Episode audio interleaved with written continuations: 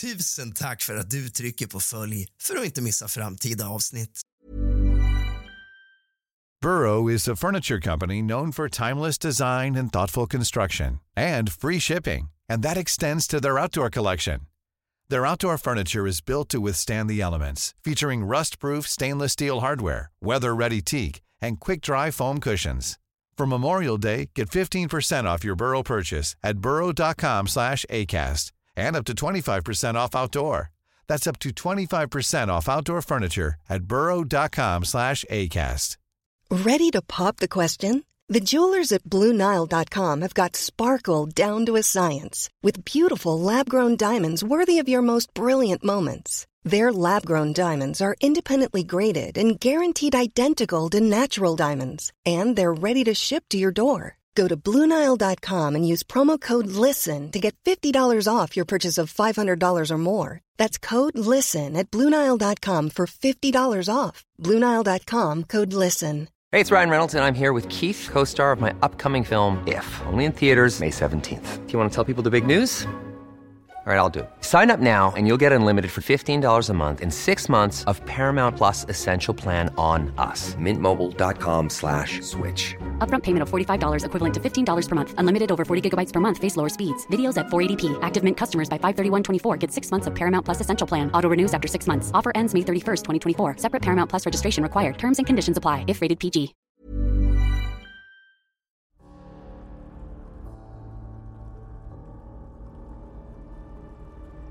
God afton din lilla fegis och kallt välkommen tillbaka ska just du vara till kusligt, rysligt och mysigt. Den här veckan är kusligt, rysligt och mysigt som bekant på lite semester i Sälen och arbetar på nytt content till er. Så att den här veckan har jag klippt ihop det bästa för dig att ta del utav. Och varje dag är det ett nytt tema som står på tapeten. Först ut var mord och sen fortsätter vi. Idag ska du få ta del av ännu ett avsnitt. Vill du sponsra podden via Swish så får man jättegärna göra det. 076 833 1412. På så vis så hålls podden gratis och inga medlemssidor behövs där det bjuds på exklusivt content för medlemmar. Sätt dig ner din fegis med någonting varmt att dricka. För nu börjar dagens avsnitt av kusligt, rysligt och mysigt.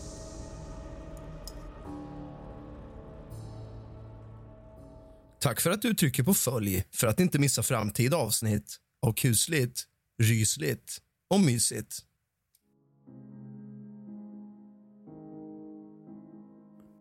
God afton allesammans och kallt välkommen tillbaka ska just du vara till kusligt, rysligt och mysigt. Idag tänkte jag att vi återigen ska ta del av förstahandsupplevelser från människor som har stött på någonting som de tror kan vara paranormalt. Så hämta lite sällskap, din lilla fegis. Släck alla lampor, tänd alla ljus så sätter vi igång på en gång.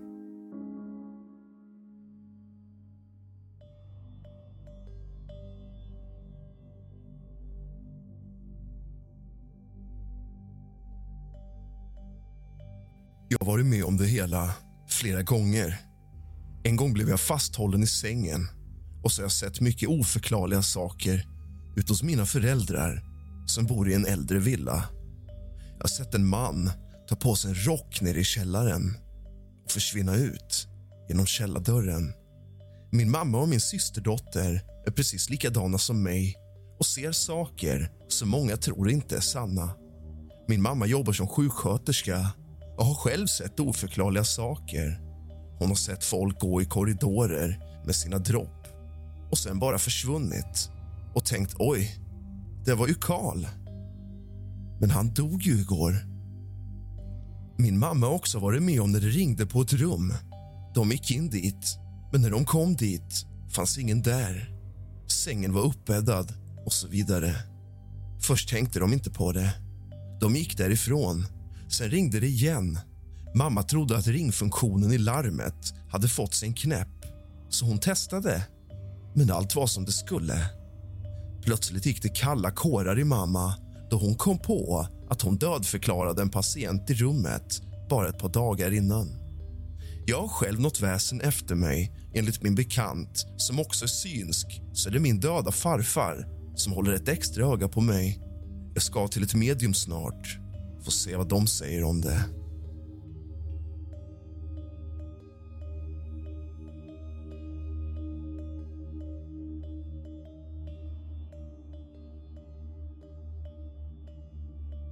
Jag råkade ut för något udda när jag var liten, typ 12 år. Jag var på mitt rum när min mamma ropade på mig som om att det var något viktigt.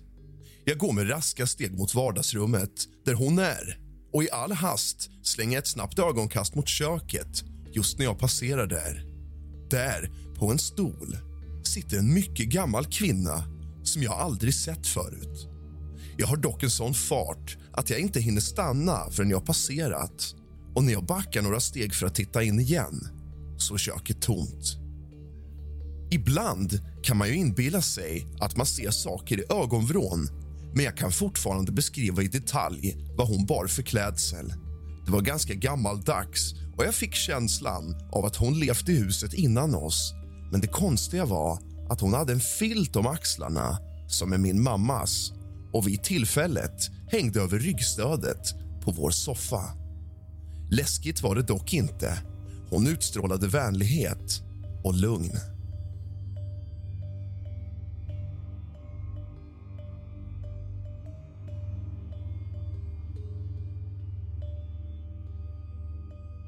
Har upplevt många saker, såsom min mamma, mormor, gammelmormor och mostrar.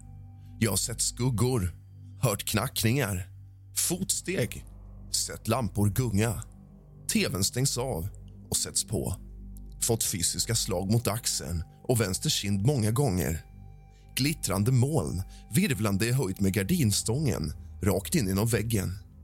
Jag trodde det var ett tecken på att min mormor gått bort och hon var dödssjuk. Men tack och lov var det inte fallet. Detta fenomen har jag sett två gånger i mitt liv. Nu i vuxen ålder, samt när jag var runt 11 år. Jag har hört barnskrik och gråt så fort jag stängt ögonen och lagt huvudet på kudden. Men när jag öppnat ögonen och lyft huvudet för att lyssna bättre hörs ingenting. Men när jag sluter och lägger mig ner igen hörs det klart och tydligt. De absolut senaste händelserna skedde för cirka en månad sen Sonen skulle ligga och sova och när jag hörde honom tassa omkring barfota i hallen och vardagsrummet blev jag sur. För det var faktiskt skoldag imorgon. Jag steg upp och skulle ta honom tillbaka till sängen. Men han var inte i hallen. Han låg i sitt rum, i sin loftsäng och sussade djupt. En annan kväll kort därefter hörde jag min son klicka och knappa framför datorn. Han har en tendens att spela spel i tid och otid. Jag blev irriterad han måste ju ligga och sova. Men han var inte där. Igen. Han låg i sin säng och sov. Nåja, jag har en ande som är dataintresserad så det är lite roligt, men vet inte vad det kan vara. Kanske inbildning. Och Det senaste som hänt är när jag står framför diskbänken fixar något att äta, känner min pojkvän stå bakom mig känner hans hand mot skulderbladet och jag bara väntar på att han ska säga något eller kyssa mig i nacken. Så jag sträcker mina armar bakåt för att ge honom en kram. Men han är inte där. Jag vänder mig om illa kvickt, ser honom stå i vardagsrummet ser via spegelväggen i hallen mellan vardagsrummet och köket och frågar hur i bubblan han kom dit på en bråkdel sekund. Han tittar på mig och skakar på huvudet igen och frågar om jag upplevt något skumt igen. Sarkastiskt. Han tror inte på något sånt, säger han jag är inte rädd, mer nyfiken vem som är närvarande. Måste påpeka att som jag skrev tidigare om fysiska slag och knackningar och skuggor. Dessa upplevde jag när jag var fast i ett destruktivt förhållande och nu i efterhand har jag själv kommit fram till att någon ville få mig att vakna och komma ifrån min livs levande plågoande. Fast det förstod inte jag då. Något gott i allt läskigt som ändå inte är så läskigt. Mer intressant. Eller vad tycker du?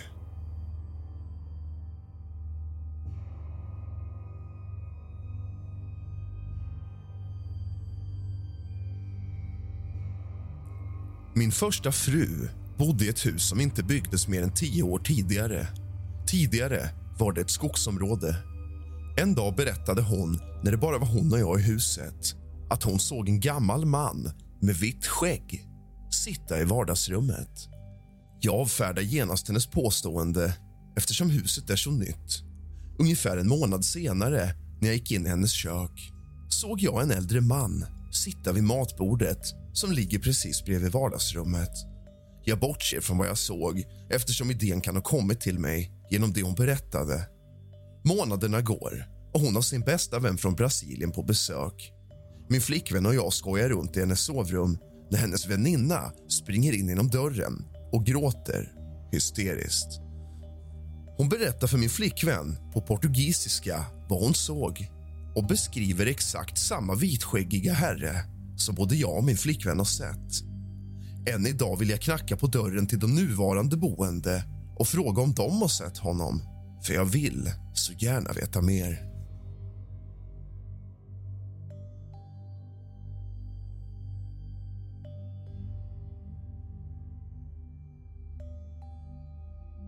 Jag arbetade mig genom college som certifierad sjuksköterskeassistent och delade nattskift på ett gammalt sjukhus och vårdhem. Jag trodde inte på spöken innan dess och betraktade mig själv som agnostiker. Men sen dess kan du inte säga att det inte finns några spöken. Det vanligaste var enkla skuggor som rörde sig över rum eller korridorer. Jag avfärdade dessa och enklast det finns för många ljuskällor och rörelser som skulle kunna förklara en rörlig skugga. Med det sagt ska jag vara förbannad om jag kan förklara många av dem. En var bara några meter från mig och hoppade från korridoren in i ett annat rum. Det värsta var förstås de synes solida och intelligenta figurerna. En gång gick jag tillsammans med en medarbetare in i rummet till en döende boende. Vi öppnade dörren till ett par vita skor och byxor. När vi följde benen upp försvann figuren vid knäna. På kvällen stängde vi dörren till Alzheimers kafeterian. De anställda skulle bli alltför rädda när de gick förbi och såg figurer sitta vid borden som om de väntade på en måltid. Vi hörde skrik från tomma rum. Det kändes som om folk blev rörda eller viskade till dem. Det som skrämde mig mest som jag någonsin varit med om var en natt vid ungefär tretiden. Min favoritboende hade precis dött dagen innan och jag tänkte på henne. Jag hade bara en känsla av att hon var där. En närvaro som jag inte kunde förklara. Jag var lite nervös, men bestämde mig för att bita ihop och sa... Doris, om du är här, flytta bildramen. De tre tavelramarna på väggen mitt emot mig lutade alla åt höger, en efter en. Jag skäms inte för att erkänna det. Jag sprang. Jag fick hjälp. Jag tvingade en medarbetare att sitta med mig resten av natten. Vissa kommer säkert säga att det är skitsnack. Jag är inte beredd att säga vad ett spöke är men jag vet att det finns nåt där ute som vi inte kan förklara.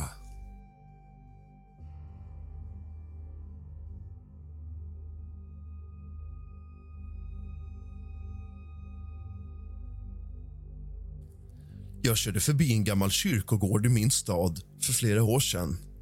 Jag tittade i backspegeln och såg detta. Något som knäböjer på en av de ovanjordiska gravarna nära staketet. För stor för att vara mänsklig, för genomskinlig för att vara någon kille i kostym. Enorma, änglaliknande vingar, men det var en mörk figur. Skuggig. Jag fick också ett överväldigande behov av att inte vara där längre. Som om att saken bara skrek på mig att jag skulle gå. Jag trodde att jag höll på att bli galen tills en av mina två vänner sa vad fan är det där? Alla tre av oss såg exakt samma sak. Den var borta igen när jag tittade upp i spegeln. Men vi körde iväg och jag undvek att köra den vägen igen under flera månaders tid.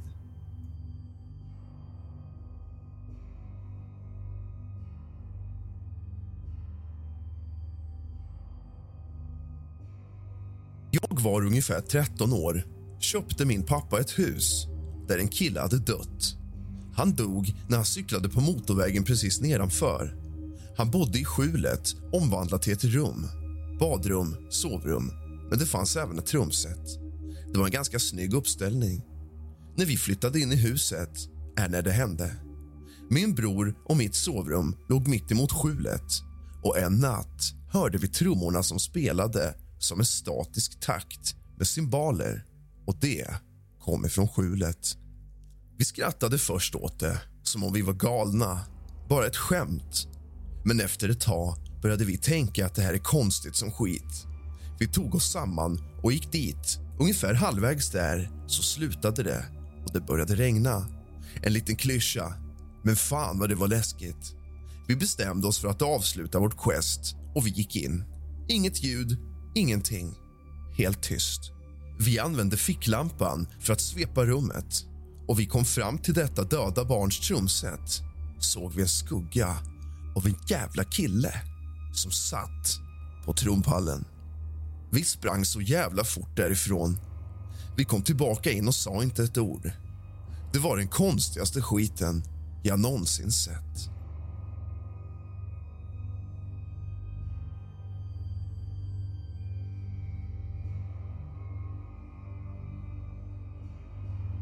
Jag vet inte vad det är, men jag har en varelse som har följt med mig runt sen barnsben. Jag reagerade själv inte på att det skulle vara något konstigt förrän jag fick höra att det skulle vara hallucinationer och liknande i början av tonåren. Mediciner hjälpte inte och till slut ljög jag och sa att varelsen var borta trots att han inte var det eftersom jag inte ville ha medicinerna mer. Har aldrig uppfattat honom som ett hot utan mer en kamrat accepterade väl ett tag att han skulle vara en projektion av min fantasi eller liknande. Ända till jag träffade min nuvarande pojkvän och han, bland det första han gjorde, frågade mig vem jag hade med mig. Det har hänt flera gånger. När jag går förbi en del människor på stan tycks de titta över axeln och liknande. Senaste gången var faktiskt igår när jag gick in i en affär som säljer kristaller och liknande tillsammans med två vänner. Butiksägarinnan stelnade till och blev alldeles vit i ansiktet när hon såg mig, men inte mina vänner. Sen skulle hon prompt ge mig massa reningskristaller, men jag förstår inte varför. Han skadar ingen. Inte vad jag vet i alla fall. Vet inte riktigt vad han är, som sagt. Men jag känner mest trygghet i att han finns.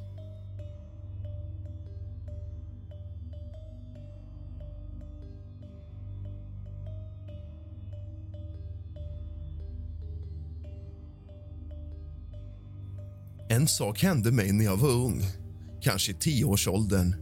Jag var nere i källaren, i ett rum vi kallade för lekrummet.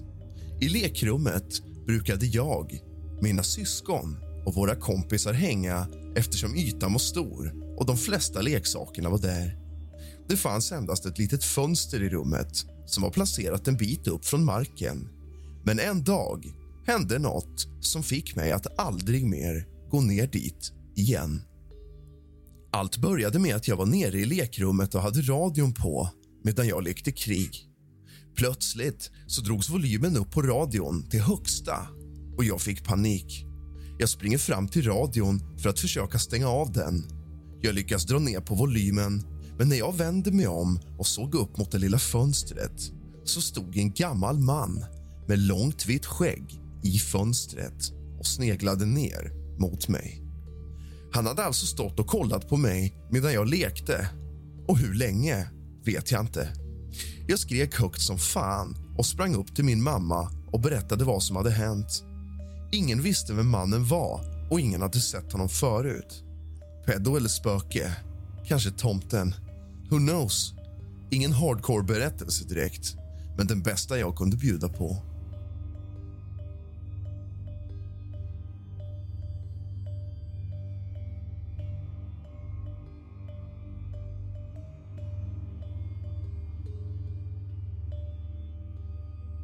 Hände något sjukt för mig i natt.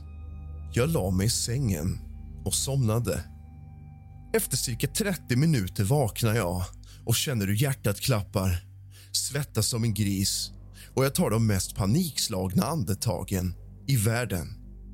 kollar runt i rummet och får se en kärring som sitter på en stol och kollar på mig. Hon satt i en stol som i luften. Det var som en dimma runt henne. Hon stirrade på mig med en arg blick med sina arga ögon. Sen försvann hon sakta, men säkert. Hon var som svartvit och hade en filt över skallen eller nåt liknande. Kanske ska tillägga att jag vaknat mitt i natten flera gånger under en veckas period. Var ett spöke jag såg.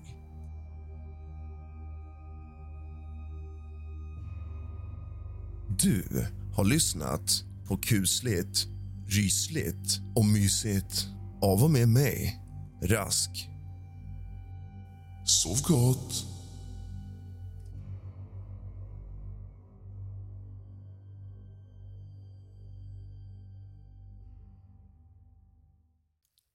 Tack för att du trycker på följ för att inte missa framtida avsnitt av kusligt, rysligt och mysigt.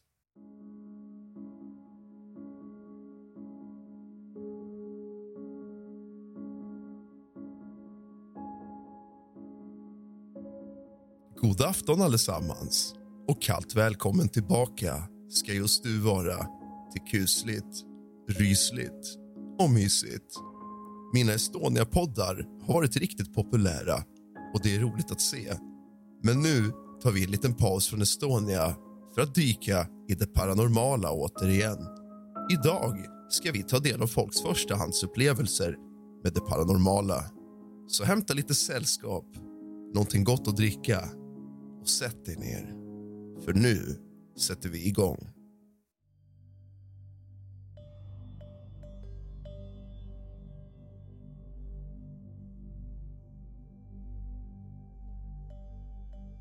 Det var en gång när jag var lite mindre om jag minns rätt. Jag och min morbror var ute och gick med hans hundar, två stycken. Vi gick till Alnöbron i Sundsvall, där mycket folk har hoppat. Vi var nere vid en av pelarna närmast vattnet. Där i skogen fanns en liten stig, cirka en meter bred. Sen tät skog och buskar. Vi stod där nere och bankade på någon plåtskiva som satt fast på bropelaren. Och sen Hey, I'm Ryan Reynolds. Recently, I asked Mint Mobile's legal team if big wireless companies are allowed to raise prices due to inflation. They said yes. And then when I asked if raising prices technically violates those onerous two year contracts, they said, What the f are you talking about, you insane Hollywood ass? F- So to recap, we're cutting the price of Mint Unlimited from $30 a month to just $15 a month. Give it a try at mintmobile.com slash switch. $45 upfront for three months plus taxes and fees. Promo rate for new customers for limited time. Unlimited more than 40 gigabytes per month. Slows. Full terms at mintmobile.com. Hiring for your small business? If you're not looking for professionals on LinkedIn, you're looking in the wrong place. That's like looking for your car keys in a fish tank.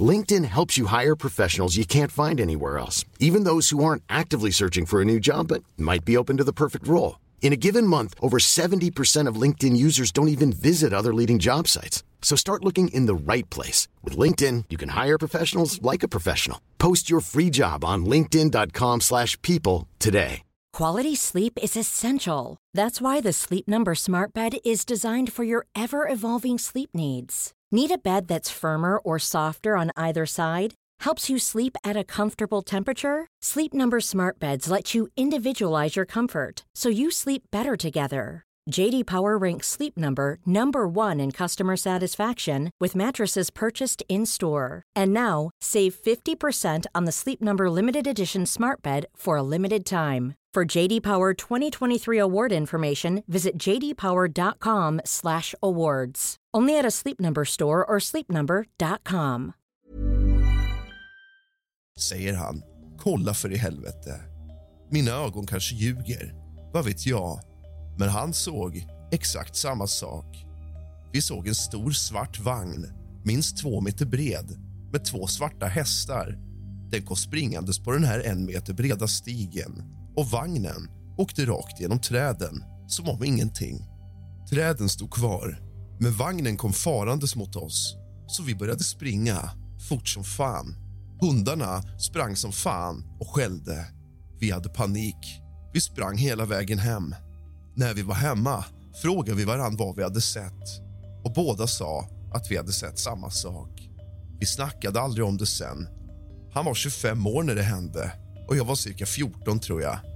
Det var en konstig upplevelse jag har haft.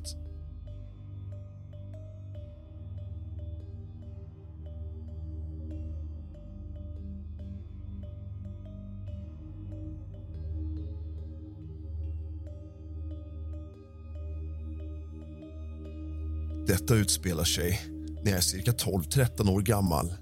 Jag bodde då hos mina föräldrar i ett tvåvåningshus tillsammans med min yngre syster och yngre bror.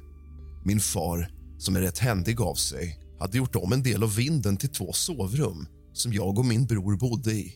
Jag har för mig att det hände på sommaren, kanske lite på sensommaren. Rummet som jag bodde i var på ungefär 14-15 kvadrat och var avlångt.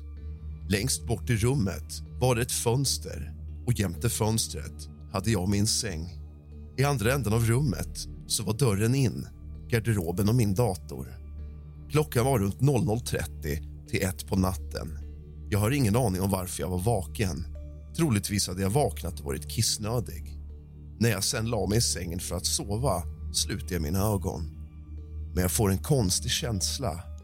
En känsla som endast går att beskriva som om att någon tittar på mig. Jag kan även känna hur luften blir kallare i rummet. Jag öppnar ögonen och reser över kroppen. Och där står han.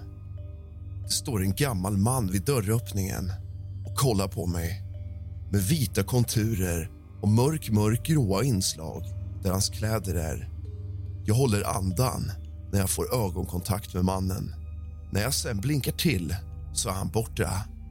Kan ju säga att jag var skärrad som fasiken den natten och satt upp till klockan sju när min far gick upp för att jobba. Först då vågade jag gå ut ur rummet. Jag berättade detta för min mamma och pappa på morgonen. Pappa brydde sig inte speciellt mycket. Mamma avfärdade det med en mardröm.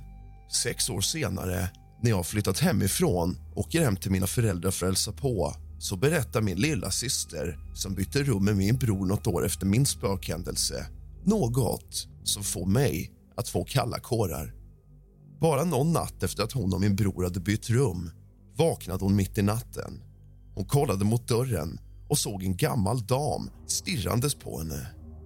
Det märkliga är att min syster inte visste om att jag hade sett en gammal man utanför mitt rum. Efter att ha gjort lite efterforskningar visade det sig att det bott en gammal man och en dam i huset innan vår familj flyttade in. Damen hade dött i sömnen flera år innan gubben, som även han, somnade in i huset. Varken mamma eller pappa vill ha ut andarna ur huset då det verkar som att de vakar över oss istället för att titta på otyg.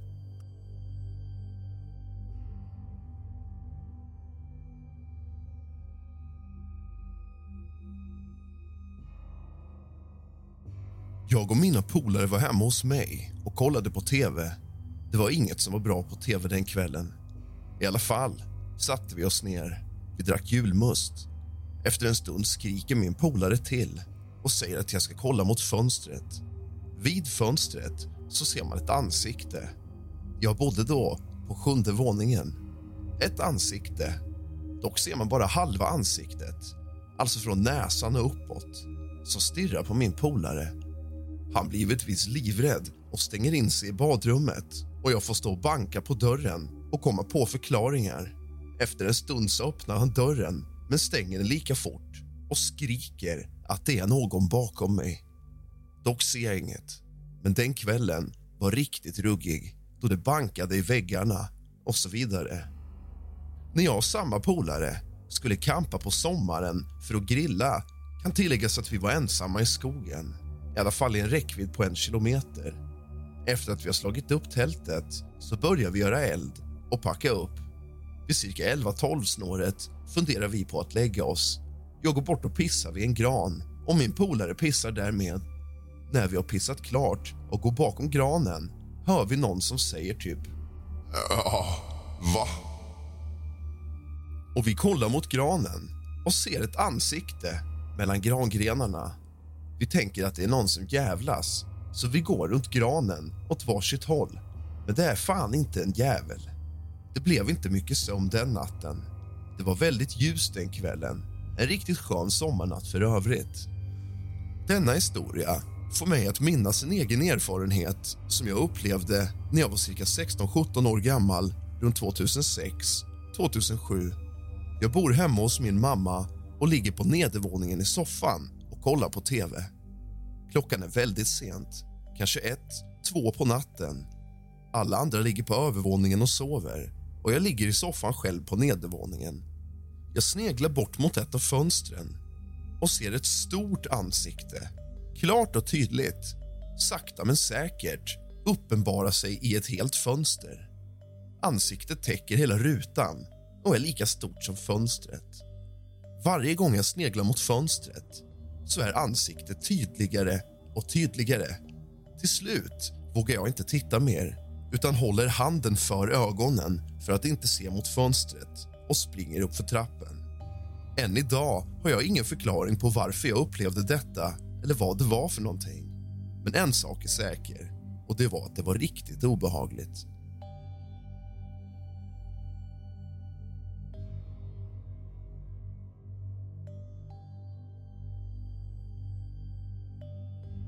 Jag var med om en grej som fullkomligt fick mig att tappa fotfästet i flera år. Och det är inte förrän nu på sistone som jag hittat tillbaka till mitt gamla skeptiska jag igen. Detta är helt och hållet sant och jag hoppas verkligen ni kan förklara följande. Jag gjorde lumpen i Boden 2005 till 2006 och blev nära vän med en lumpakompis som bodde där i Boden. Jag gjorde lumpen i 15 månader och man lär känna folk oerhört väl. Och detta var ingen kille som varken överdrev eller ljög. En kväll satt vi och söp i hans lägenhet, jag och hans flickvän. Ju fullare vi blev, ju mer började vi snacka om spöken och sånt. Han berättade att hans bästa väns farmor var den kända sierskan som bland annat hjälpt polisen och dylikt. Han berättade att hans vän brukade gömma en liten porslinsanka någonstans i lägenheten och sen ringa till henne och hon har omedelbart kunnat säga var ankan är. Han berättade vidare att han många år senare börjat fundera mycket på det hela och läst en del på internet. På internet hade han hittat en sida där det bland annat stod att om man går till en kyrkogård och väntar i ungefär 20 minuter för att spökena ja, ska kunna vänja sig så kunde man fotografera dem. Han berättade att han hade gjort det och fått en massa läskiga foton men att han aldrig skulle göra det igen. Givetvis var jag skeptisk till det hela och jag blev förvånad att min vän trodde på det hela. Jag krävde givetvis att få se hans spökfoton som bevis och han sa att han inte ville visa dem. Jag skrattade givetvis åt det hela. Då blev han arg och hämtade ett fotoalbum. Han visade bilderna han tagit. På varje bild såg det ut som cigarettrök som bildade människoansikten. Alla foton föreställde inte människoansikten men på alla foton han hade i albumet var det denna dimma som bildade figurer och skuggor som såg ut som människor. Jag var rätt full och kände mig mer nyfiken än rädd. Jag lyckades övertala honom att vi skulle gå till kyrkogården för att fota. Då vi inte hade någon kamera gick vi upp till logementet och väckte en annan lumpare och lånade hans digitalkamera. Vi gick sen ner till Bodens kyrkogård och började fota. Vi fotade massor på vägen dit också och det kom inget konstigt på bilderna.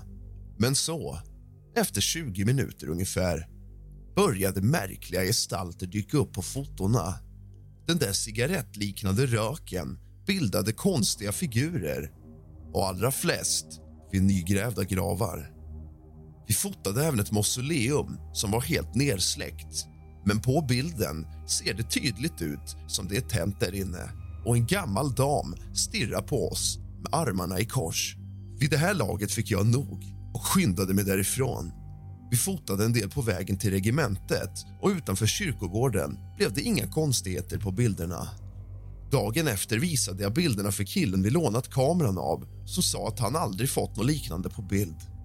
Detta betyder alltså de fotona vi tog blev likadana som de han och hans flickvän tagit trots att de fotades med olika kameror vid olika tillfällen där den ena kameran var digital och den andra inte.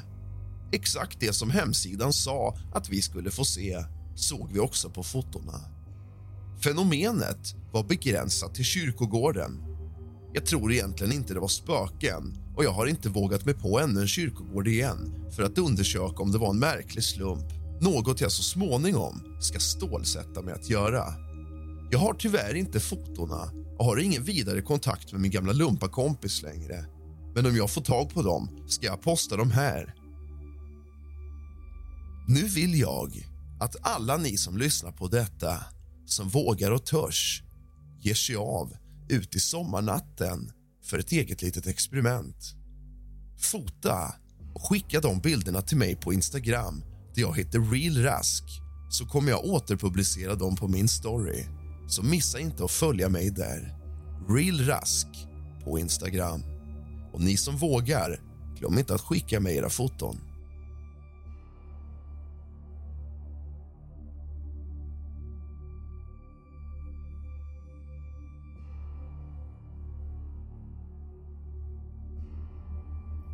Spanar här. Jag hade en flickvän vars morsa var redigt jävla okult. Hon trodde på allt och inget och hade sin egen variant av hinduism och fan vet vad. Bruden var också hon påverkad av det. Hon var säker på att spöken fanns och så vidare. Nåväl, jag bodde hos henne under en sommar och fick följa med på en exorcism. Morsan hade fått ett samtal av en hästägare som hört talats om hennes tjänster så hon drog dit med sin spökjägarkompis, min brud och mig ut till ett stall. Det handlade om ett par som nyligen köpte tomt med ett stall och byggt ett hus där. Men när de skulle introducera sin häst i stallet ska den ha kukat ur helt och sparkat sönder väggar och skadat sig på något vis. Och fan vet vad. De hade försökt flera gånger, men hästen vägrade gå in där, stegrade och hela balletten. Detta såg jag med egna ögon. Morsan och hennes kompis gick in i stallet med såna böjda pinnar de använder traskade runt en stund och fick dem att svänga och så vidare. Efter ett tag drog mamman slutsatsen att det bodde en ande där. Jag höll fan på att bajsa på mig och skepsis. Utdrivarna höll varandra i handen och mumlade med nedsänkta huvuden utan något resultat. De bad min brud komma med in och hjälpa och sjöng sen något om Guds barnaskara. Ni vet. De kom ut och mamman förklarade att det var en gubbe som bott där som vägrat lämna stallet för att han var rädd för efterlivet. Han var nu lugn och hade dragit. Jag vet, det låter helt jävla pajas men hästjäveln gick in där sen. Den stod där och bara chilla och tugga sitt jävla hö precis bredvid hålet som den sparkat in förut. Jag har gått igenom de flesta rationella förklaringar, inklusive slump och jag är långt ifrån övertygad om att det inte bara var något väldigt förklarligt. Jävligt förbryllad än idag.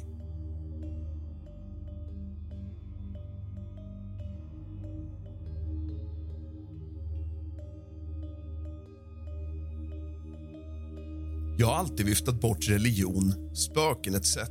som vidskepligheter för svagsinta. Men för fem veckor sedan hände något som gjorde att jag blivit paranoid lidit extrem sömnbrist och börjat ifrågasätta min tidigare övertygelse. Jag kan inte förklara vad som hände och jag vet inte om jag vill veta varför det inträffade. Jag hade varit ute en kväll på studentnationerna här i Uppsala och druckit en hel del. Jag smygspydde inne på toaletten så när det vankades efterkrök hemma hos mig hade jag börjat nyktra till i motsats till mina gäster. Efter allsång, skitsnack och diverse trevligheter begav sig mina kamrater hemåt. Klockan var runt 2.30. Jag gick ut i köket och svängde ihop chips med dipp som jag hade lyckats gömma undan från mina snyltarsvin till kompisar. Jag kollade på en film, käkade mina chips och drack litevis med vatten. Allt för att undvika bakfylla. Framåt fyra tror jag att jag somnade. Efter någon timmes sömn vaknade jag med ett ryck. Jag kände en vidrig, söt stank och förruttnelse. Min första tanke var att någon hade spytt någonstans i mitt rum för att jävlas med mig. Ilsket vände jag mig om för att lokalisera varifrån stanken kom. Då såg jag det som fortfarande skrämmer mig till vansinne och gör mig iskall ända in till märgen. På mitt soffbord, cirka en halv meter från sängen, satt någon. En liten varelse kring en meter hög. Det var en människoliknande varelse med brun hud som såg ut som gammalt osmort läder eller som sönderstekt bacon. Jag uppfattade varelsen som kvinnlig då ansiktet uppvisade någorlunda kvinnliga drag. Från huvudet hängde långa och tunt utspridda hårstrån ner till axlarna på varelsen och den såg på det stora hela ut som ett uttorkat lik. Men en sak. Ögonen. Ögonen var stora och med illgul iris och små pupiller. Ansiktet var förvridet i en min av hat, ilska och illvilja. Varelsen utstrålade ren ondska. I samma sekund som jag såg denna varelse började jag gallskrika och ryggade bakåt i sängen in mot hörnet av väggen där huvudändan är. Jag skrek som jag aldrig skrikit förr och stirrade varelsen rakt in i dess onda ögon. Jag tänkte att jag skulle dö och kände hur en tår rann ner för kinden. Då reste sig varelsen och gick sakta, men med bestämda kliv, rakt emot mig. När den kom närmre såg jag hur dess hud var sprucken på vissa ställen och man kunde skymta skelettet därunder. Jag fortsatte skrika för mitt liv. Varelsen klev upp på sängen och ställde sig över mig där jag halvsatt med ryggen mot hörnet där väggarna möttes och kravlade bakåt av ren skräck. Den stannade någon decimeter framför mig, spände sina onda ögon i mig. Av någon anledning slutade jag skrika. Varelsen böjde sig framåt mot mig så att dess ansikte bara var några centimeter ifrån mitt. Hjärtat slog så hårt så att det kändes som om revbenen skulle brytas och jag hörde hur varelsens leder knarrade och knakade. Plötsligt började varelsen skrika rakt in i ansiktet på mig. Skriket var skräckenjagande, bortom alla andra skrik jag någonsin hört. Det lät som ett utdraget skri från en falk fast med en obeskrivlig ondska. Jag vet inte hur länge varelsen skrek i mitt ansikte. Det kan lika gärna ha varit en sekund som en timme. Jag kände en gränslös panik och slog rent instinktivt varelsen men min hand gick rakt igenom. Men varelsen tystnade. Den fortsatte spänna sina onda ögon i mig och jag tyckte mig höra en rossling. Varpå den försvann. Jag satt som förstelnad och väntade på att vakna. Det skedde inte. Jag var vaken. Jag satt i säkert en timme och bara stirrade rakt ut i luften. Vad som hade hänt förstod jag inte men skräcken var som inristad i mitt hjärta. Det första jag gjorde när skräcken lättat lite var att slå på tvn. Den har alltid haft en lugnande effekt på mig. Klockan var nu 06.30. Jag satt i flera timmar och stirrade rakt ut i luften och kedjerökte. Det gjorde så att lukten av förruttnelse försvagades och jag försökte lista ut vad som hänt, varför och hur det var möjligt. Jag har undersökt förklaringar som sömnparalys, psykos eller att någon skulle lagt något i min öl. Men jag är övertygad om att det jag upplevde inte berodde på vare sig mitt psyke eller substanser. Det är utan tvivel det vidrigaste som hänt mig och jag vet inte om jag någonsin kommer våga avslöja det för någon. Vem skulle tro mig? Du har lyssnat på kusligt, rysligt och mysigt av och med mig, Rask.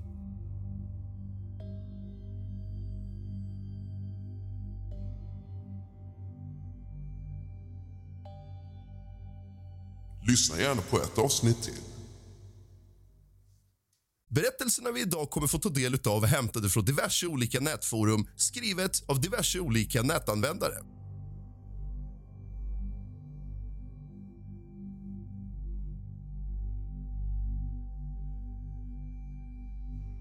God afton, alla monsterdiggare. Och hjärtligt välkomna tillbaka. Jag hoppas att du har gjort dig redo för en kuslig stund tillsammans med mig.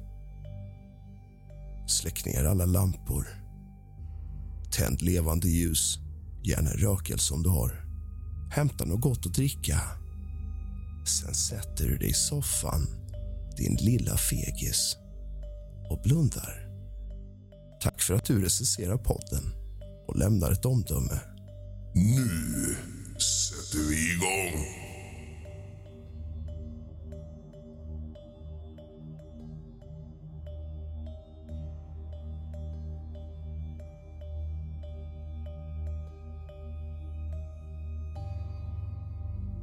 Detta inträffade när jag var i 16-årsåldern någon gång i oktober. Jag och två andra personer, Olle och Nisse kan vi kalla dem, de var i samma ålder. Vi var på väg ut för att måla. Klockan var runt halv elva på kvällen när vi begav oss ut hemifrån. Vi hade bestämt oss för att måla den gamla övergivna mc-klubben som ligger drygt en och en halv mil från var vi bodde. Eftersom vi i den åldern inte hade tillgång till bil åkte vi på två mopeder. Jag tog burkarna och Nisse skjutsade Olle på hans moped. Resan gick genom en smal och krokig landsväg mitt ute i ingenstans. Djup skog låg på bägge sidor av vägen och inte ett enda fordon syntes till. Mörkret började falla och man såg bara mindre av vägen ju längre vi körde. Vi var ganska vana att måla ute sent på kvällen men stämningen var riktigt obehaglig även om jag inte tänkte Planning for your next trip? Elevate your travel style with Quince. Quince has all the jet setting essentials you'll want for your next getaway, like European linen, premium luggage options, buttery soft Italian leather bags, and so much more. And is all priced at 50 to 80% less than similar brands. Plus, Quince only works with factories that use safe and ethical manufacturing practices. Pack your bags with high-quality essentials you'll be wearing for vacations to come with Quince. Go to quince.com/pack for free shipping and 365-day returns. på det för mycket eftersom jag var upptagen med att hålla koncentrationen på vägen. Efter en lång tid av gasande var vi egentligen framme vid huset. Denna klubb ligger en bra bit från civilisationen. Närmsta husen ligger nästan en mil bort från var vi befinner oss. Nisse och Olle, som kommer först till platsen parkerar mopeden bredvid vägen och inväntar mig. Nu är klockan mellan 23.30 och 23.50. Jag ser röda baklyktan av Nisses moped och kör in bakom han för att stanna. Olle går runt huset för att inspektera det medan Nisse hjälper mig att packa ut burkarna. Huset är nästintill fallfärdigt. Gamla plankor, glas, elledningar och annat bråte ligger runt byggnaden. Skogen som omringar hela huset ser nästan lika fallfärdig ut. Olle dyker upp bakom högra sidan av huset och greppar tag i en påse med burkar. Jag tar en påse och Nisse tar den sista. Vi bestämmer att jag kör framsidan så tar Olle högra sidan och Nisse vänstra. När alla är på plats tänder jag min pannlampa och börjar skissa upp bokstäverna. För att hålla stämningen uppe samtalar vi med varandra hela tiden för att se hur det går för de andra. Olle skriker att han är klar med skissen och börjar fylla i målningen. Nisse hör jag inte så mycket, men jag hör hur han skakar burken och antar att han är för koncentrerad för att svara hela tiden. Efter drygt tio minuter när jag står och håller på med ifyllningen känner jag samma obehag som tidigare på mopeden. En konstig känsla som är svår att förklara. Men det känns som att något är fel. Fylld av adrenalin. Det pumpar så hårt så att man kan säkert höra det utanför min kropp. Jag står med skakiga ben och letar runt i påsen efter en grön färg. Efter drygt 20 minuter tar jag en paus. Olle snackar på för fullt. Nisse däremot har jag inte hört ett ord ifrån. Jag beslutar mig för att gå till vänstra sidan av huset för att undersöka hur det går för honom. Ja, jävlar Sivamele! Hör jag Olle skrika samtidigt som han skrattar. Fan vad dum han är. Jag fattar inte han driver med. När jag kommer fram till vänstra sidan ser jag en halvklar målning, men ingen Nisse. Nu börjar jag gripas av panik. Knäna viker sig nästan. Blir helt stel. Försöker ropa på Nisse. Men inte ett ord kommer ut. Till slut skriker jag. Olle, kom fort! Han fattar direkt att något är fel och springer mot mig. Han ser helt skärrad ut när han upptäcker att Nisse inte är kvar. Jag är fan på väg att börja grina men Olle går runt huset och ropar att han hittat Nisse. När jag springer ser jag Nisse sitta mot husväggen. Han verkar helt borta. Ansiktet är helt vitt. Han andas skittungt och ena handen sitter som i ett järngrepp runt burken han håller i. Vi får inte ut ett ord från honom. så vi tar tag i hans skakiga kropp och bär honom till framsidan av huset. Där lägger Olle honom lutad mot min moped. Vi försöker tala med honom och försöker förstå vad som har inträffat men han säger inte ett ord. Plötsligt hör vi hur någon tar tag i en plastpåse med burkar och slänger åt helvete. Shit! Där blev jag så jävla nödig att jag ville göra i brallan direkt. Tårarna är inte långt ifrån Olle och Nisse verkade helt skärrad till livet så sitter bägge två helt knäpptysta vid mopeden. Jag rör mig sakta i sidled mot den vänstra sidan av huset där jag upptäcker att burkarna ligger helt utspridda över gräset. Olle och Nisse startar mopeden, inväntar mig som skiter i att hämta resten av burkarna utan jag springer bara som ett CP. Jag startar mopeden och bränner av som en galning. Olle och Nisse ligger precis bakom mig. Glädjen av att sen komma hem var obeskrivlig även om jag inte sov ett skit den natten. Nästa dag frågade jag Nisse vad som egentligen hände igår. Han berättade att han hade känt någon ta tag i hans ena axel med ett iskallt grepp. Känslan var nästan som om att någon tryckte ner flera nålar i axeln på honom. Själv är jag väl något skeptisk till det övernaturliga.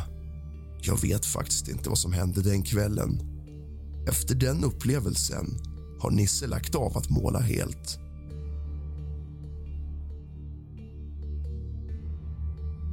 Förlåt för att jag avbryter mitt i det kusliga, rysliga myset. Men jag har en viktig sak att be dig om. Det skulle betyda otroligt mycket för mig om du tog dig tiden att rekommendera podcasten på dina sociala medier till dina vänner så att flera får upp ögonen för podden, eller rättare sagt öronen, och gör den till en del av sin dagliga rutin. Tack för att du trycker på följ. Nu fortsätter kusligheterna. Detta utspelade sig säkert för 13 till 15 år sedan när jag och min kompis sov över hos hans mormor och morfars hus på sommaren. Detta var något som vi brukade göra för huset ligger avsides och det fanns mycket för två grabbar att leka med. En natt, eller tidig morgon kanske man kan säga, vaknar jag upp av ingen som helst anledning. Och Det första jag ser när jag tittar upp är en vit skepnad som står och skurar golvet i dörröppningen. Jag blir inte rädd, mest förvånad och skeptisk. Försöker väcka min vän, men han sover bara vidare. Skepnaden fortsätter att sakta röra sig från rummet för att liksom inte kliva i det nyskurade, om ni förstår. Jag vänder mig bort och tänker det finns en rimlig förklaring till det här. och försöker somna om. Dagen efter så berättar jag för resten vad jag hade upplevt och uppenbarligen hade rummet som vi bodde i varit ett gammalt kontor och det hade funnits städerskor i huset. Det kan mycket väl varit ett spratt av hjärnan i det tidiga morgonljuset. Samma område, fast ett annat hus på gården är inrett på undervåningen och går alldeles utmärkt att sova över i. Men det var vinden som var roligast och hade ett inrett rum.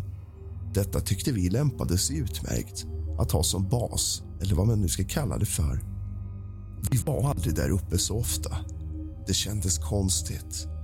Och efter kanske bara ett par minuter gick vi ner igen. Detta fortsatte ett par gånger och sista gången vi var där uppe kom vi inte mer än upp för stegen innan vi tittade på varandra och rusade ner för stegen för att aldrig gå upp igen. Känslan vi fick var att vi inte var välkomna. En tryckande känsla av obehag. Vi skulle inte vara där och rota och leka. När vi berättade vad som hade hänt och vad vi hade känt fick vi reda på att en mindre trevlig människa som arbetat som skomakare hade hängt sig i det rummet där han även hade bott. Från undervåningen har man även hört fotsteg ifrån det rummet. Jag vet inte om jag skulle gå upp dit igen. Kanske ungdomens oförstånd och livliga fantasi spelade oss ett spratt. Men vi hade aldrig hört talas om skomakaren innan vi sprang därifrån och berättade vad som hade hänt.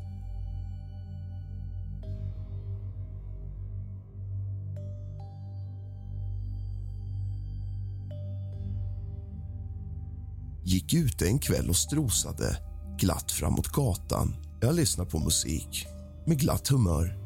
I min ena snäcka börjar jag höra ett jävligt creepy ljud så jag stänger av musiken och tar av mig snäckorna. Inget ljud hörs. Sätter på musiken och stoppar in snäckorna. Nästan direkt hör samma undliga, klagande ljud men den här gången bakom mig. Jag sliter av mig snäckorna, vänder mig om och dör nästan av skräck när jag ser en liten skepnad sitta och att ljudet kommer ifrån den skepnaden. Sen skrattar jag arslet av mig för att jag inser att det är en kattjävel. Men när det gäller paranormala upplevelser har jag en gång vaknat av att lampan i mitt rum i lägenheten börja tokflimra. Rädd sprang jag in till föräldrarnas rum och såg efter ett tag hur deras taklampa även den började flimra i samma stil. Värt att notera är att båda lamporna inte var på samma säkring och att lamporna på samma säkring inte var påverkade av fenomenet. Det vill säga, taklampan flimra men inte nattduksbordslamporna. Skulle gärna vilja höra en bra förklaring på detta fenomen. Min syster hade också undliga episoder i sitt rum som jag fick ärva efter att hon flyttade ut. Lyckliga mig! Men hon vågade aldrig berätta vad som hänt annat än en gång då hon vaknade av att hela underdelen på hennes säng badade i ett undligt blåvitt ljus som liksom strålade ut från underifrån sängen och att ljuset liksom sen bleknade bort väldigt långsamt vilket då fick min syster att skrika som besatt vilket fick mig i rummet bredvid att vakna och undra vad fan som stod på. Morsan såg också många gånger en man i slokande hatt som stod i köket eller vid spisen och bara stirrade på henne när hon var uppe tidigt på morgonen. Vår granne i lägenheten intill brukade ibland vakna av att hon hölls fast emot madrassen i sängen av något hon inte kunde se, vilket i och för sig kan vara sömnparalys. Men andra som bott i huset där vi bodde har klagat på liknande saker också. Och hon hade inte det problemet efter att hon flyttat heller. Knivar hade också en förkärlek för att sätta sig i skärbrädan som hörde till köket. En sån utdragbar skärbräda. Något som ingen lyckats förklara för mig än idag.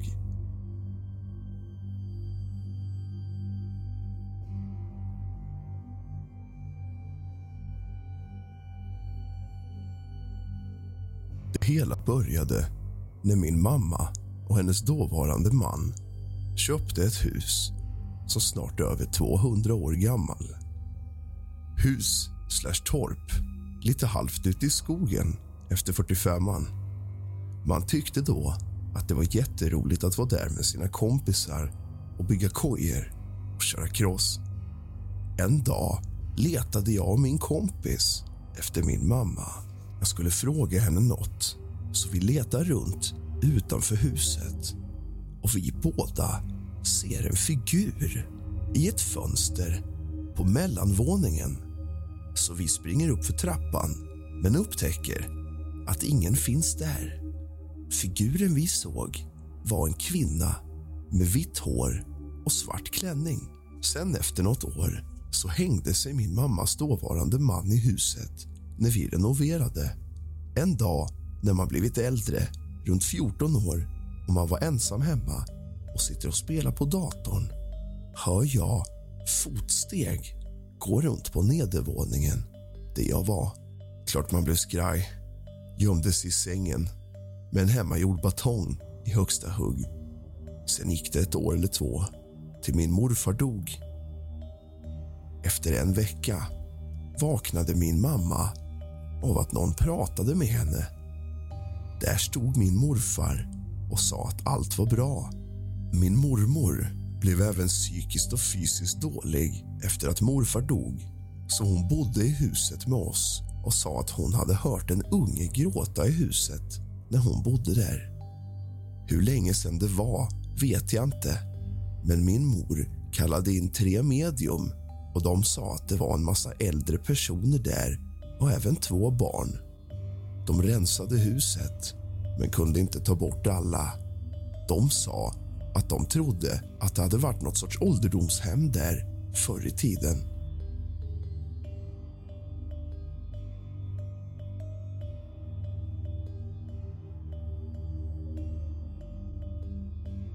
Det äckligaste jag varit med om var dagen jag fyllde 17. Jag vaknade helt plötsligt klarvaken och skulle tända lampan. Då slås tvn på.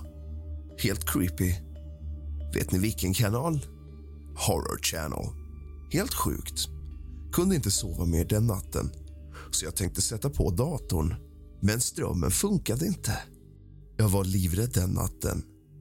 Tvn funkar från och till. Fråga morsan och farsan om de märkte nåt den natten. Det hade de inte. Jag gick till en gammal klasskompis senare den dagen. Jag berättade om mina upplevelser. Han trodde att jag gick på nåt, men inte.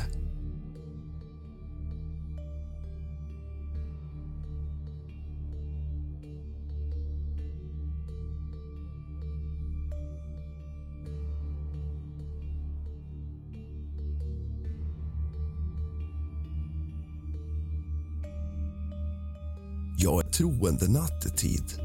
Dagtid är jag världens skeptiker med is i magen. Här om natten var jag tvungen att gå ut och leta efter en sak i bilen. Parkeringen var tyst och öde. Så även området där vi bor.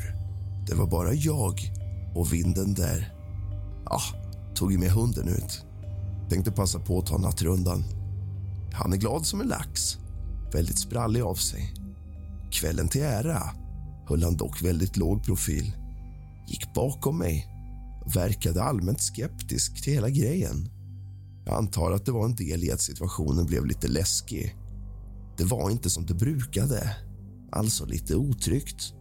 Väl vid bilen låste jag upp och rotade runt. Frasse hoppade in och satte sig vid förarsätet. Han är inte den som bangar på en biltur, men nåt skumt var det med honom.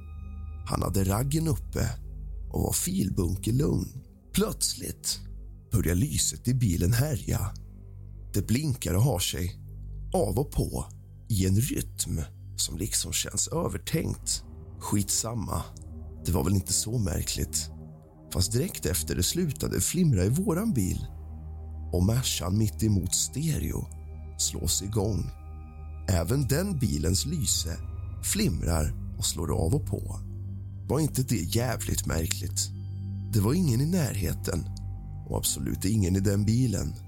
Jag var tvungen att gå dit och kolla. Hur som helst, jag tyckte det kändes lite olustigt så jag avslutade mitt letande och gick hem och la mig istället. Kanske larvigt, men ja. Vilken låt som började spelas kanske ni undrar? Burn baby burn, disco inferno var låten som spelades. Men ja, jä jävlar. Nu minns ju jag en händelse från mellanstadiet. Jag och mina tre kamrater, Kim, Jon och Daniel brukade roa oss med anden i glaset. En gång när vi var hemma hos Jonas i köket började det spåra ur. Anden snackade goja, kallade oss horungar och annat tarvligt. Glaset for runt som attan. Verkade inte som någon av oss fejkade det heller. För alla satt som nerpissade räddharar och glodde på varandra. Grejen var den att precis innan det hade Jonas brutit ihop och sagt att det känns som att det var ögon i väggarna. Att någon stirrade på honom. Bara det här var chockerande nog då Jonas var en stentuff kille som aldrig skulle börja gråta bara så där. Trodde man i alla fall. Glaset sa att det var den onde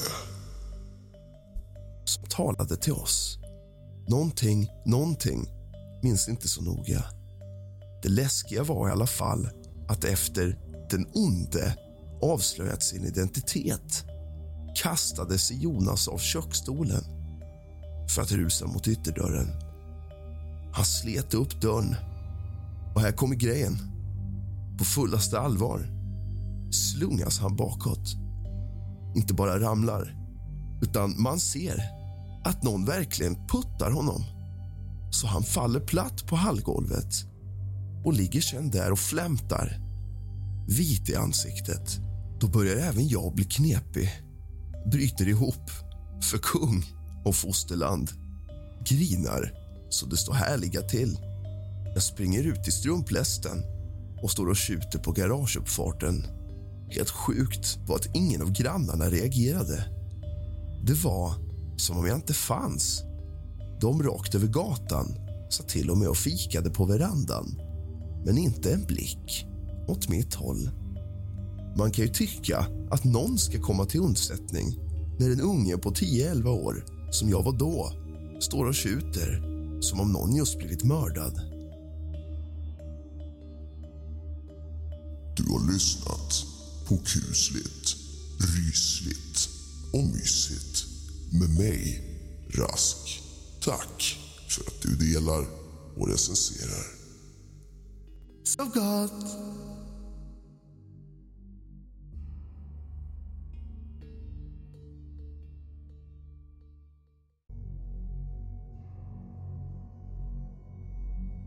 Idag är det onsdag, även kallat för lillördag.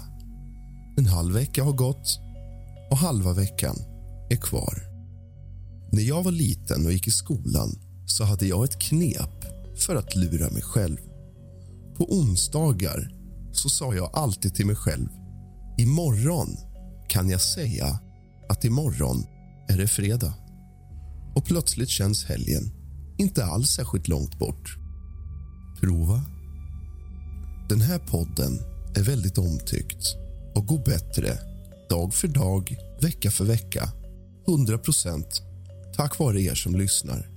Så att jag vill ta tillfället i akt och uttrycka ett jättetack till er som varje dag lyssnar på podden. Tycker ni att podden är bra så får ni mer än gärna dela podden på era Instagram, er Facebook och skicka den till era vänner så att den kan fortsätta växa och fortsätta utvecklas. Nu ska inte jag ta upp er tid mer, för nu ska vi dyka rakt in i era kusliga historier som ni har skickat till mig på Instagram. Vill du att din berättelse ska komma med i min podcast? Skriv till mig på Instagram, realrask, i ett enda ord. Skriv gärna som en lite längre berättelse då jag inte vill ändra på era berättelser. Ju längre, ju bättre. Nu kör vi. Detta hände innan jag var född. Min mamma och pappa bodde i en lägenhet i Järna med mina stora syskon Magnus och Malin. Magnus tre år och Malin ett. En natt vaknade mamma och pappa med ett ryck. De vaknade av att de hörde något dras längs galgarna i hallen. Pappa gick upp och misstänkte att Magnus var uppe och gick i sömnen och kanske lekte med galgarna. Magnus brukade gå i sömnen nämligen. Men när pappa var i hallen så var inte Magnus där. Några galgar gungade fortfarande. Pappa öppnade dörren till hans rum och där låg Magnus och sov så gott. Då gick pappa tillbaka till sovrummet och skulle se vad klockan var. Alla klockor hade stannat på samma klockslag. Det stod 02.16. Vår farfar hade gått bort bara några veckor innan. Just klockan 02.16. När jag var sex år så flyttade vi från vårt radhus till ett hus bredvid kyrkan i Vagnhärad. Där bodde jag med mina två äldre syskon, Magnus och Malin, med våra föräldrar. Detta var ett äldre hus som krävde lite renoveringar men pappa, som var målarmästare och hade egen måleriaffär renoverade allting själv. Huset hade en ganska stor tomt med en grusplan och en liten skogsdunge. Perfekt att bygga kojor i. En lekstuga fick jag och mamma gjorde i ordning ett litet grönsaksland för att kunna odla i. Några äppelträd och päronträd och ett körsbärsträd fanns också. Riktig idyll. Ganska fort efter att vi flyttade dit började vi allihopa höra hur någon på kvällarna gick ut i grusgången och så hörde man hur någon högg ved i vår lilla skog. Vi frågade varandra om någon av oss varit ute och huggit ved, men ingen av oss hade det. Gick det någon främling in på tomten och högg ved? Konstigt. Pappa gick och kollade i skogen vid veden. Ingen hade huggit. Allt var på sin plats. Väldigt lustigt. Nästan varje kväll kunde vi höra hur någon gick i grusgången bort mot skogen för att hugga ved. Men ingen var där. När vi hade bott där i cirka ett år började fler saker hända. När jag skulle lägga mig i sängen för att sova när jag var cirka sju år började detta. Det började plötsligt att knacka inifrån min garderob i mitt rum. Tre knackningar. Sedan tyst. Sedan ytterligare hårdare knackningar. Tre stycken. Jag blev livrädd, gömde mig under täcket, skrek högt. Snälla, sluta knacka. Då slutade det. Dessa knackningar kom lite då och då när jag låg i sängen för att sova. Och alltid tre knackningar. Men det slutade varje gång jag sa högt Snälla, sluta knacka. När jag låg under täcket och började be en bön. Jag hade sett på en film om spöken, fast jag inte fick. Och Där bad man till Gud. Så det började jag också med. Gud som haver barnen kär. En höst så reste jag och mina föräldrar bort på semester. Magnus hade flyttat hemifrån och Malin skulle passa huset. Det vill säga ta posten, vattna blommor, mata katten och så vidare. Så en dag fick hon för sig att gå upp på vinden för att titta på sina gamla leksaker. Trappan upp till vinden satt inte fast utan det var en lös stege som man lutade mot ena sidan av luckan uppe i taket. På vinden så fanns inget ordentligt golv. Det var reglar som man gick på. Och där kartongerna stod hade pappa bara lagt dit någon plywoodskiva. Så när hon står där och tittar i en kartong och blir nostalgisk över sina gamla saker så börjar helt plötsligt en gammal speldosa att spela sin melodi en bit bakom henne. Malin vänder sig om, går försiktigt emot var ljudet kommer ifrån. Hon kommer närmre, men plötsligt slutar det spela. Lustigt, tänkte Malin och började gå tillbaka till kartongen. Och då Då börjar samma melodi spela fast nu lät det från ett helt annat håll. Hon blir livrädd, skyndar sig så fort hon kan ner från vinden. Ut från huset, låser och åker iväg. I samma hus, några år senare, hände en sak som varken jag eller min syster någonsin kommer glömma. I huset har man alltid känt sig iakttagen. Att någon eller något tittar på en. Mina vänner hade svårt att sova över. Att någon tittade på en kändes framför allt nere i källaren. Där kändes det mest. I källaren hade vi en gillestuga, kontor, matkällare, duschrum, toalett, kaminrum och så kunde man gå in till garaget inifrån genom källaren. Det var inte roligt att duscha där nere, kan jag säga. Man var livrädd. Man skyndade sig det snabbaste man kunde. Känslan av riktigt obehag och man fick gåshud varje gång man var där. Huset som iakttar låter, knackar och någon som går i grusgången och hugger ved. En dag när jag kom hem från gymnasiet så kom min syster också över. Jag ville inte vara helt själv hemma och mamma och pappa jobbade så jag skulle passa på att lära syrran några nya danssteg som jag lärt mig på dansen. Vi står i vardagsrummet och går igenom varje steg när det plötsligt blir konstigt i luften. Som ett tryck av total tystnad. Det blir kallt och vi andas ut rök. Malin och jag får inte fram ett ljud. Vi bara tittar på varandra i chock och tårarna rullar ner för bådas kinder. Så får vi se en lång, mörk vålnad i hallen utanför vardagsrummet. En lång man i rock med cylinderhatt på huvudet. Man ser inte ansiktet. Det är svart som går i hallen och försvinner sen in i våra föräldrars sovrum. Och precis när han försvinner så släpps trycket och värmen är tillbaka. Detta var första gången som vi varit i mate med en riktig vålnad. Du har lyssnat på kusligt, rysligt och mysigt med mig, Rask. Glöm inte att skicka in din berättelse till realrask på Instagram. Sov gott, dröm sött.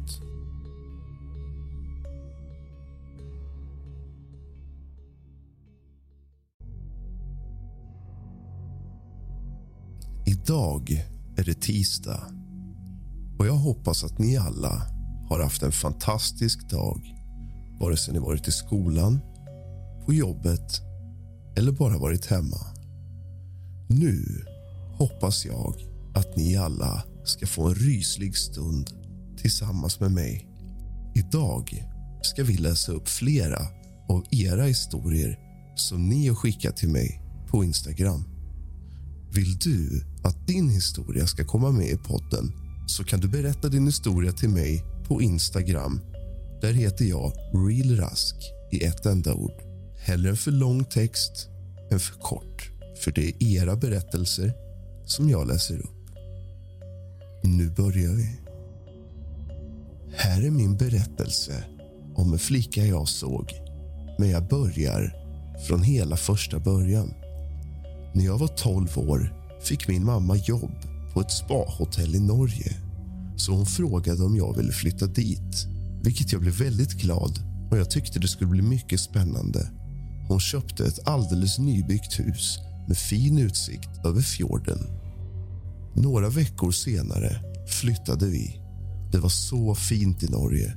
Fin utsikt av berg och fjord var man än åkte och alldeles tyst och lugnt. Jag fick rummet som var på bottenvåningen med fönster mot grusvägen. När vi bott i huset några veckor hörde jag en dag ljudet av hästhovar som klapprade på vägen och ett gnisslande ljud som från en hästvagn. Som hästintresserad sprang jag ut på verandan för att titta vad det var för häst. Men i det ögonblicket jag kom ut var det alldeles tyst och ingen häst, vilket håll jag än tittade åt. Jag tänkte inte mer på det och gick in och fortsatte med mitt. Någon vecka senare hörde jag samma hästhovsklapprande på grusvägen och då sprang jag ut för att se vad det var för häst som sprang utanför oss igen. Jag slängde upp ytterdörren och sprang barfota på det vassa gruset. Ingen häst i sikte och heller inget hästhovsklapprande.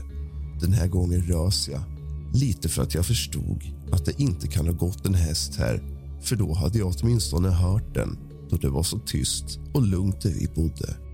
Jag gick in igen, satte mig i min säng och funderade på om jag började bli galen.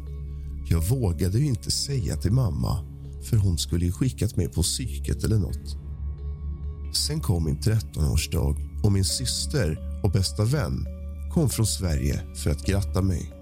Min syster hade med sig en kattunge till mig som present. Min alldeles egna katt som jag döpte till Sissi. Vi åt god mat, fikade och jag visade min kompis runt i området. De sov över en natt och åkte dagen efter. Då var jag själv igen, fast nu med en mysig och busig kattunge. Samma kväll som de åkte märkte jag att katten betedde sig konstigt. Reste ragg och morrade åt ingenting.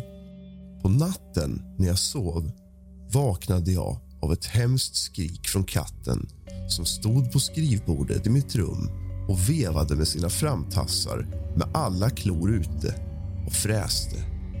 Jag var livrädd och tog katten till sängen för att lugna den.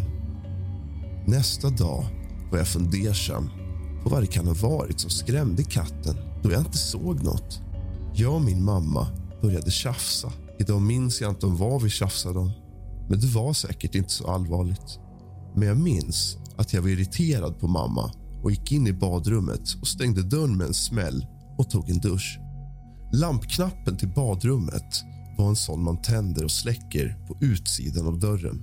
Det fanns inte heller något fönster i badrummet och när jag stod där med schampo i håret släckte mamma lampan från utsidan. Jag var irriterad och skrek “Tänd lampan igen!” Jag står ju i duschen.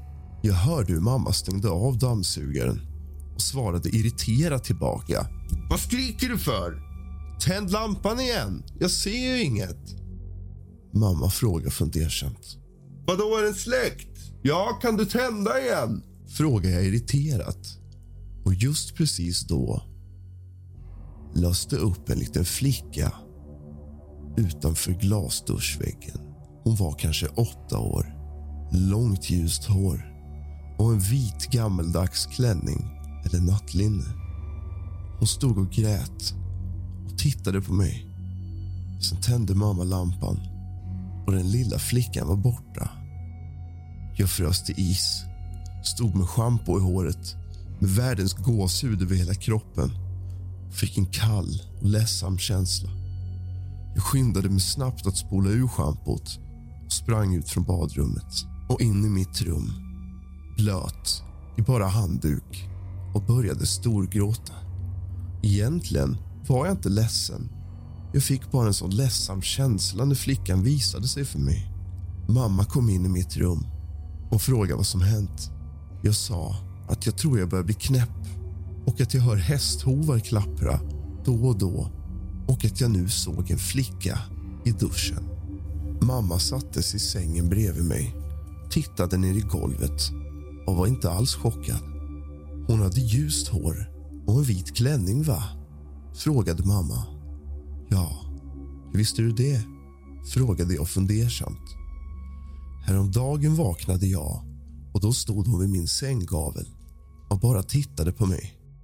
Men jag vill inte säga det till dig, för jag tänkte att det skulle vara skrämmande för dig. Du som är så mycket ensam hemma, fick jag till svar.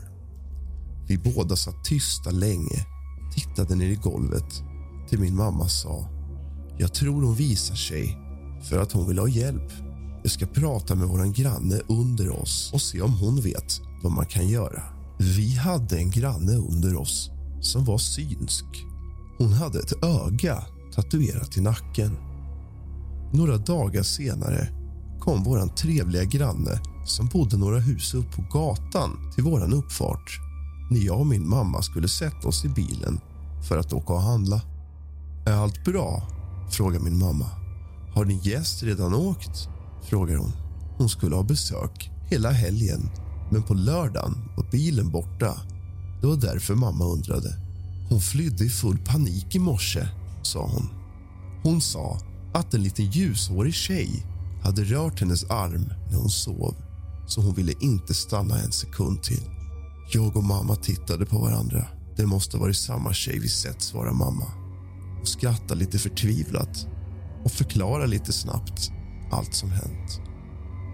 Hon ringer till den synska grannen och frågar vad man kan göra och fick en förklaring på vad vi kunde testa.